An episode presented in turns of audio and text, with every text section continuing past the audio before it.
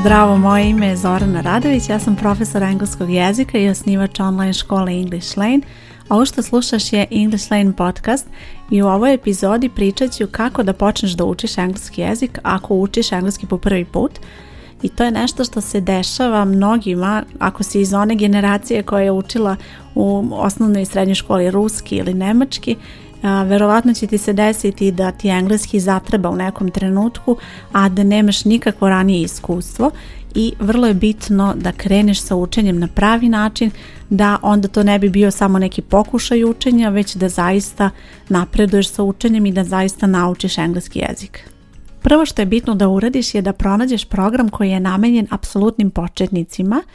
i to je vrlo bitno naglasiti apsolutnim početnicima jer postoje i oni takozvani lažni početnici, to jest ljudi koji počinju da uče engleski jezik od početka, ali već imaju neko iskustvo, dakle učili su engleski verovatno u školi, ali nisu znali da upotrebe ništa i žele da krenu od početka sa učenjem, ali oni ipak imaju neko malo predznanje, čak i ako nije to ništa u potpunosti organizovano, ipak postoji razlika kad je neko potpuni početnik, dakle susreće se sa engleskim potpuno po prvi put i neko koji je već nešto ipak čuo neku reč do sada i prosto zna bar neke stvari. I tvoj cilj je da nađeš program koji je namenjen baš tim ljudima koji nikada nisu učili engleski jezik i da kreneš apsolutno od početka. To će biti prvo alfabet, onda ćeš učiti neke prve reči, dakle posle toga idu e, glagoli, verovatno glagol to be, zamenice i tako dalje. Bitno je da je taj program napravljen za ljude sa takvim ciljem da uče od početka i da uče organizovano i postepeno. I e, to je nešto što sam ja imala u vidu kada sam pravila moj kurs početni engleski, to je engleski 101. E sada, kada nađeš program koji ti odgovara,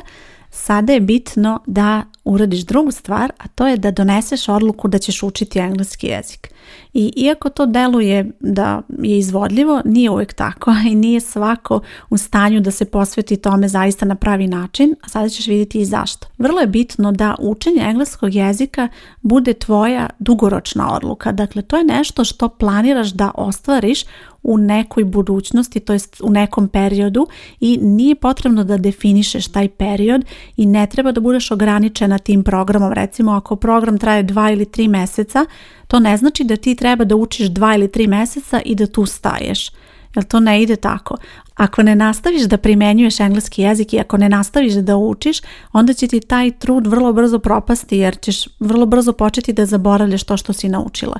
Dakle, ne treba da razmišljaš o nekom određenom vremenskom intervalu, pa sad koliko naučiš za to vreme, nego jednostavno ovo treba da postane tvoj neki hobi, tvoja neka aktivnost koju ćeš se posvetiti u narednom periodu. I to je isto kao recimo kada odlučiš da kreneš da vežbaš, da kreneš na jogu, na pilates ili na tako nešto, Dakle, ne odlučuješ se da vežbaš neki određeni vremenski period i e, samo neki konkretan cilj da ostvariš, nego jednostavno to su neke e, navike koje postanu deo tvog života praktično i postanu e, deo tvoje rutine. Samo zamisli, na primjer, da recimo želiš da sviraš klavir.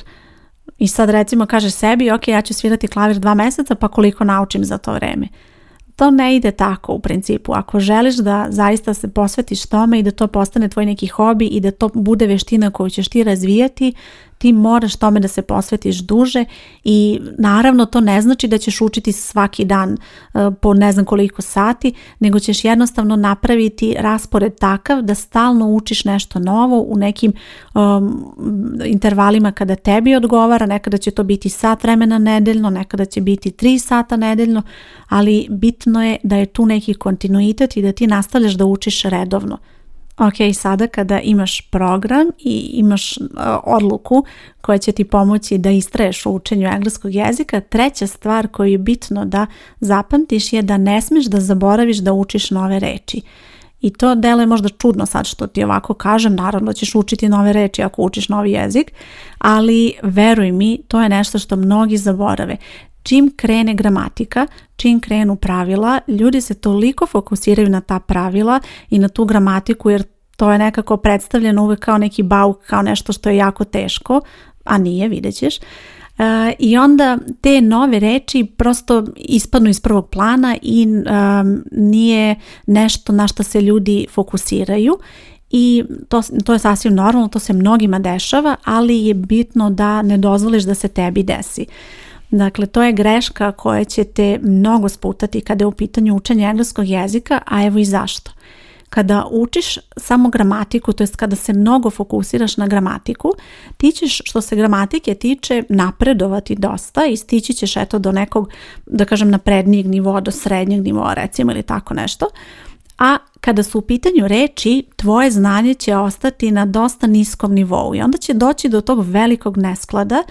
i onda ćeš prosto možda neki gramatički test uraditi dobro i biti, eto kao ti si možda za neki napredniji kurs, a onda kad dođu nove reči i kad dođe neki tekst, recimo prepoznavanje teksta, ti nećeš moći da se snađeš i onda ti džaba i sva ta gramatička pravila i gram, džaba ti što znaš vremena recimo, ako ne znaš dovoljno reči, ako ne znaš da napraviš dovoljno rečenica, ako ne znaš da odgovoriš na pitanja i zato je vrlo bitno da učiš nove reči paralelno sa gramatikom. Nikada nemojte dozvoliš da gramatika bude fokus, dakle uvijek uči zajedno i gramatiku i nove reči, proširuj svoj rečnik jer je to neophodan deo za uspešno učenje engleskog jezika. Dakle, još jednom da se vratimo, kada kreneš da učiš engleski jezik, Sada kada imaš program koji ti odgovara, kada doneseš tu odluku da ćeš učiti, kada znaš da treba da se fokusiraš i na nove reči isto toliko koliko i na gramatiku, nedostaje još jedan sastojak. Bez toga ceo ovaj proces neće imati mnogo smisla i zapravo učenje engleskog jezika će izgledati uh, onako bez nekog posebnog cilja i ostaće na nivou neke teorije koja će možda biti korisna za rešavanje nekih testova, ali ne dalje od toga i e, nadam se da već shvataš o čemu pričam. Dakle, u pitanju je praktična primjena engleskog jezika. Dakle, bitno je da koristiš engleski jezik jer to je nešto što će ti omogućiti pre svega da ostaneš motivisana da učiš, Dakle, odmah ćeš vidjeti rezultate, odmah ćeš koristiti ono što naučiš za nešto praktično, da nešto opišeš, da nešto kažeš, da nešto pitaš i to će ti pružiti motivaciju da ti to možeš da uradiš i da ima smisla ići dalje, da ima smisla učiti još reči, da ima smisla učiti još novih vremena jer će ti to naravno proširiti tvoj fond reči i proširit će grupu rečenica koje ćeš ti moći da izgovoriš, a uz sve to to primjena engleskog jezika je nešto što će ti omogućiti da dugoročno pamtiš. Ako ti znaš nešto da upotrebiš, ti ćeš se onda konstantno oslanjati na to i moći ćeš to da koristiš u konverzaciji i sada i recimo za tri meseca. A ukoliko naučiš neku lekciju bez nekih eh, daljih eh, primjena, ako čisto teorije radi, možda ćeš ti znati da uradiš neki test, neko vežbanje, ali ako te neko vrati recimo za tri meseca i pita za to, nećeš uopšte imati pojma o čemu se radi i samim tim nećeš moći to da upotrebiš u konverzaciji i na taj način tvoj engleski ne može da napreduje. A imaju u vidu da je glavni razlog zašto ti učiš engleski jezik pre svega da razumeš druge. Recimo ako gledaš film da ne moraš da gledaš onaj prevod nego da možeš da gledaš radnju filma, da gledaš kako glumci glume, a druga stvar je da i ti upotrebiš taj jezik, da i ti možeš nešto da kažeš. Kao što vidiš, jedno i drugo je praktična primjena. Dakle, ti ne učiš da uradiš neki test, neko vežbanje, pa čak ni da ne rešiš neki zadatak čisto samo radi tog zadatka, već učiš da primjeniš jezik i zato je vrlo bitno da i čak i kada počinješ sa učenjem engleskog jezika, da možeš da primjeniš sve to što učiš i da znaš zašto učiš te lekcije, dakle koja im je primjena u konverzaciji. Engleski ćeš koristiti tako što ćeš vežbati konverzaciju koja može biti u pisanom ili usmenom obliku, vrlo je bitno da vežbaš izgovor, da vežbaš slušanje, da vežbaš kako da čuješ šta neko govori na engleskom i sve to zajedno tebi omogućava da aktivno koristiš engleski jezik i da odmah primenjuješ sve što učiš i nemoj misliti da moraš da čekaš da naučiš neki određeni broj lekcija ili da stigneš do nekog nivoa da bi ti mogla da upotrebiš sve u konverzaciji jer to nije tako. Da bi to ostvarila, da bi uspela da koristiš engleski jezik, vrlo je bitno da nađeš sredinu sa ljudima koji dele ista interesovanja i istu strast ka učenju engleskog jezika kao i ti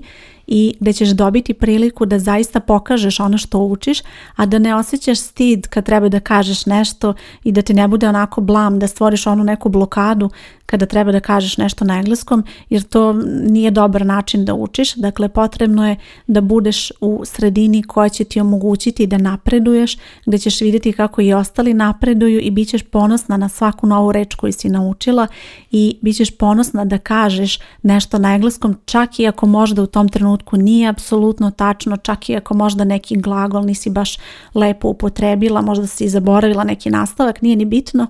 ali bitno je da ti koristiš engleski i da takvim načinom i takvim razmišljanjem ti možeš da ostvariš dugoročno dobre rezultate i da ćeš vremenom naravno biti sve bolje u tome. Sa ovim ciljem sam ja i pokrenula moju online školu i jako sam ponosna na uspjeh mojih polaznica koje su se pridružile ovom našem kutku, ovoj našoj zajednici gdje uče engleski sa sigurnošću i gdje odmah uče kako da primjene to sve što nauče kroz lekcije. E, naravno, ukoliko počinješ sa učenjem engleskog jezika, kao što sam već rekla, vrlo je bitno da nađeš program koji će ti odgovarati, dakle program koji počinje od samog početka i naravno u English Line školi postoji takav program, to je kurs Engleski 101 koji te na postupan način uvodi učenje engleskog jezika i a, pružati sve neophodne informacije da naučiš i a, neophodno iz gramatike i dosta novih reči, da vežbaš izgovor, da vežbaš gramatiku, dakle sve onako objedinjeno,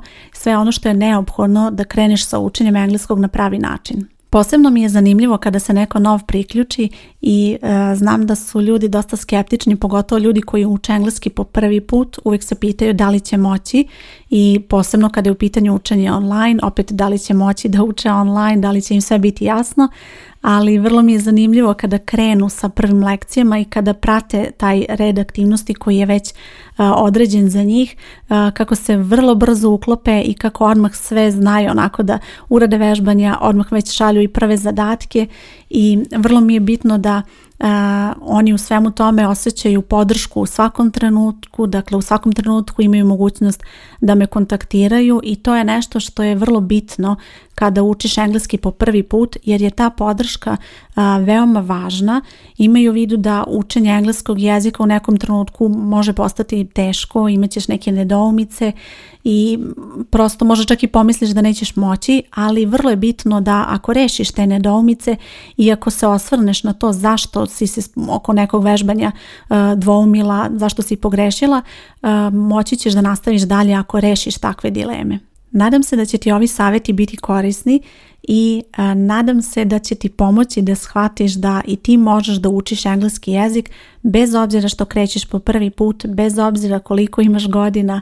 Dakle, to nisu neke prepreke koje treba da te sputaju. Ukoliko odlučiš da želiš da učiš engleski jezik, a, e, isprati ove moje savjete, dakle nađi program koji ti odgovara, donesi tu odluku,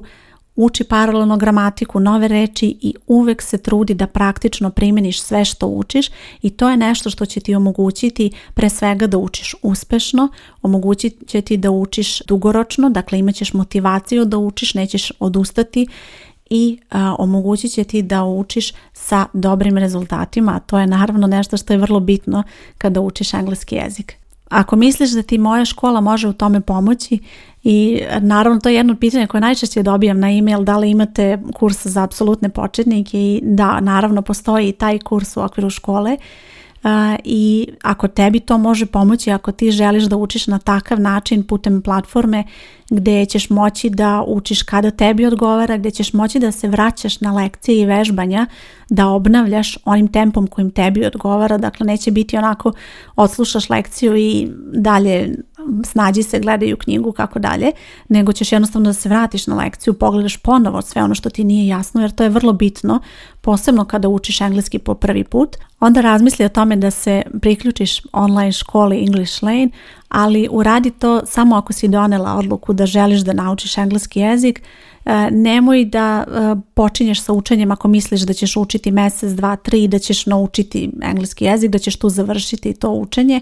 i e, jer jednostavno ja ti u tom ne mogu pomoći. Dakle, ograničeno nešto što možeš naučiti za tako kratak vremenski period i nije samo što je vremenski period ograničen, nego što ako ti sebe tako ograničiš, ti ćeš biti fokusirana na taj vremenski period i na to što ćeš uraditi u tom vremenskom periodu, a to ne treba da bude tvoj fokus. Tvoj fokus treba da bude učenje engleskog i praktična primjena i samo u tom slučaju kada ti doneseš odluku da učiš i da se tome posvetiš, samo tada ti možeš ostvariti dobre rezultate i samo tada ti ja mogu pomoći da nastaviš to učenje, da te povedem na pravi put, da ti pokažem kako treba da učiš, da ti pružim sve neophodne materijale koji će te omogućiti to da učiš engleski na veoma efikasan, na uspešan način. Pogledaj na ovoj stranici gdje slušaš podcast, bit će link ka školi ili ukuca English online škola. Hvala ti što slušaš podcast, ja sam Zorana Radović i čujemo se sljedeće srede u novoj epizodi. Ćao!